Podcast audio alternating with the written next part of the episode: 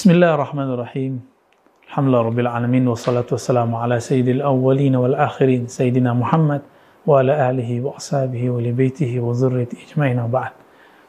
Sahabat-sahabat dimakan Allah, ada salah satu ajaran pembeda abadi, brand hakiki dari ajaran salafi, ajaran wahabi yang berbeda dengan ahlu sunnah kebanyakan. Ahlu sunnah terutama yang bermanhaj Asy'ariyah dan Maturidiyah lebih senang menyebut manhaj mereka manhaj sifat 20 misalnya atau taklimnya taklim sifat 20. Berbeda dengan Wahabiyah atau Salafiyah lebih tertarik menggunakan yang lain. Karena Ibnu Taimiyah tahun 708 wafatnya, beliau kemudian mencoba mengaransemen sendiri atau menginovasi bab tauhid yang sebenarnya ijtihad dalam bab tauhid adalah sesuatu yang perlu kita pertanyakan. Tapi Ibnu Taimiyah ternyata tidak perlu bertanya dia langsung mengajukan sebuah inovasi yang boleh dikatakan berbeda dan manhajnya disebut istiqra'i. Istiqra'i ini adalah lawan dari qiyas yaitu induktif dia baca dalil, kemudian dia kelompok-kelompokkan dan dalil itu terbagi menjadi tiga kelompok. Inilah yang kemudian disebut dengan trilogi tauhid atau usul salasa, tiga tauhid. Ini kemudian sempat mati suri setelah Syekh uh, Ibnu Taimiyah wafat, diteruskan oleh Ibnu Abdul Hadi, udah setelah itu mulai jarang ada yang memakai. Muncullah kemudian Syekh Muhammad bin Abdul Wahab di abad ke-13 Hijriah, beliau kemudian uh, mengajarkan kembali dengan risalah tauhidnya atau usul salasahnya. Apa itu? Yang pertama, tauhid rububiyah. Tauhid rububiyah dari kata wahada yuwahidu, um, mentauhidkan, mengesahkan Allah dari sisi rububiyah, Rabb. Apa arti Rabb? Rabb berarti Allah pencipta. Secara teori dasar, tidak ada perbedaan antara Ahlus Sunnah Asy'ariyah Maturidiyah dengan Salafi ketika mengartikan rububiyah. Tapi ketika memberikan penjelasan, baru bertemu ada beberapa perbedaan yang sangat luar biasa. Apa kata Ibn Taimiyah? Begitu juga Muhammad bin Wahab. Tauhid rububiyah adalah tauhidul musyrikin. Tauhid ahli kalam, tauhid para filosof, tauhid orang-orang yang tidak semanhaj dengan beliau, bahkan ini tauhidnya orang-orang paganis yang ada di Makkah. Ini merupakan satu kejanggalan. Bagaimana mungkin orang yang musyrik bertauhid? Tapi itulah mantik logika Ibn Taimiyah. Logika Wahabi, logika Salafi, menggabungkan istilah tauhid dengan musyrik. Suatu hal yang sangat jauh dalam pikiran orang-orang yang mempunyai akal yang bersih, yang lurus. Ya. Tapi bagi Ibn Taimiyah itulah yang lurus. Bahwa ada orang-orang Arab Mekah dulu ditanya, wala in sa'altahum man khalaqas samawati wal ard, layakulunna Allah. Jika engkau bertanya kepada musyrik Mekah, sebenarnya kata musyrik tidak ada di situ, tapi ada pada penafsiran. Jika engkau bertanya kepada mereka, siapakah yang menciptakan langit dan bumi? Mereka akan menjawab Allah. Bagi Ibn Taimiyah, inilah bukti bahwa musyrik Mekah itu percaya bahwa Allah pencipta. Tapi ketika mereka mau menyembah Allah, mereka mengambil aulia-aulia, sesembahan-sesembahan, asnam-asnam, berhala-berhala selain Allah. Untuk apa? Dalam surah Az-Zumar kemudian dipakai oleh Ibn Taimiyah liqarribuna ilallahi zulfa. Semua itu menjadi wasilah untuk menuju Allah. Bagi Ibn Taimiyah, bagi Muhammad Wahab, para sufi disamakan dengan musyrik Mekah. Inilah kejanggalan berikutnya. Kenapa? Bagaimana mungkin sufi yang berwasilah dengan guru mereka dengan pemahaman yang berbeda dengan wasilahnya orang-orang musyrik dianggap sama. Istilahnya sama. Istilahnya berwasilah. Tapi secara definisi berbeda. Sufi tidak ada satupun yang menyembah gurunya. Sedangkan mereka, musyrik Mekah, pagan Mekah, mereka menyembah gurunya. Tetapi Ibn Taimiyah sudah terburu, sudah terlanjur. Begitu juga Muhammad Wahab, begitu juga bin Bas, begitu juga Saleh Fauzan, Begitu juga Utsaimin terlanjur mengatakan sufi-sufi itu ubadul kubur, penyembah kubur. Mereka menyembah kubur, mereka menyembah selain Allah, tapi mengatakan Allah pencipta.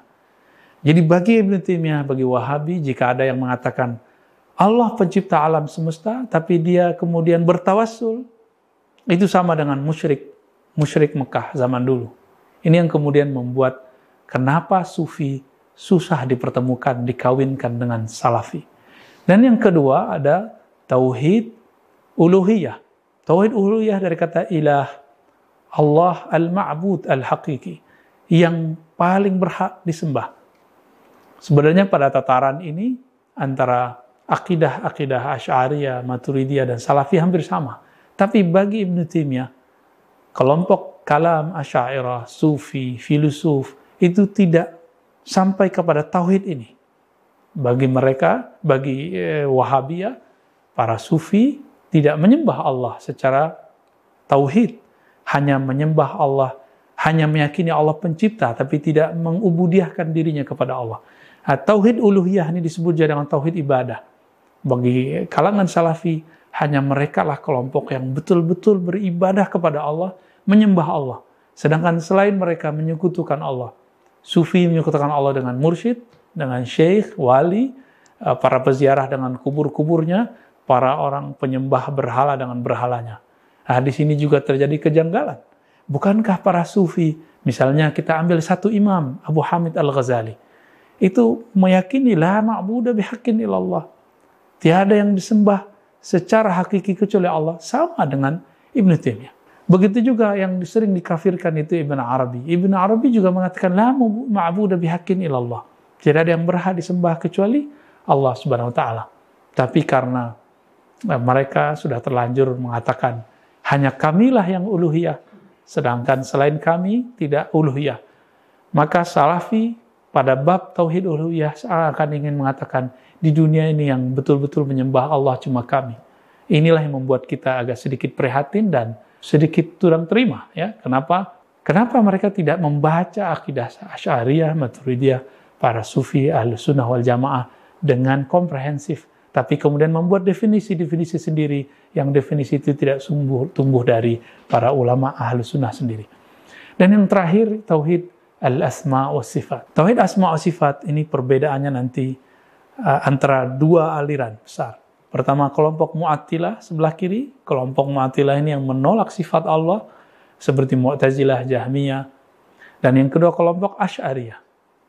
Uh, begitu juga Mujassimah, ya bagi Wahabi atau Salafi, mereka ini menyamakan antara Asy'ari dengan Jahmiyah, menolak sifat. Kenapa? Kalangan Asy'ariyah, ulama Asy'ari menerima takwil. Bagi mereka takwil itu sama dengan ta'til. Bahkan lebih buruk daripada ta'til. Takwil menakwil sifat Allah, ta'til meniadakan sifat Allah. Ini dua hal yang berbeda. Tapi bagi Salafi itu sama.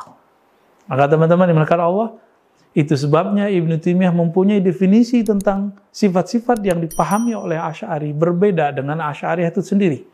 Ibnu Taimiyah, Muhammad Wahab dan pengikutnya mengatakan bahwa Allah dalam pemahaman Asy'ariyah hanya bersifat tujuh atau dua puluh. Inilah yang kemudian mereka sebar di mana-mana. Sehingga pengikut-pengikut Wahabiyah yang awam menuduh Asy'ariyah bukanlah ahlu sunnah. Menuduh Asy'ari tidak mengerti sifat Allah, hanya meyakini beberapa sifat Allah. Ini adalah definisi yang bukan bersumber dari kalangan Asy'ariyah. Kelompok Asy'ariyah, Maturidiyah meyakini bahwa Allah sifatnya tidak terbatas. Tapi untuk memahamkan kita, dipilihlah sifat wajib, mustahil, dan jais. Teman-teman yang melakukan Allah, inilah tiga tauhid versi Ibnu Taimiyah yang Nabi barangkali tidak kita temui dalam Sahih Bukhari, Muslim, Abu Daud, Tirmizi, Musnah Ahmad, tidak ditemukan dalam tafsir Tabari, tafsir Qurtubi, bahkan tidak ditemukan dalam mazhab Imam Ahmad.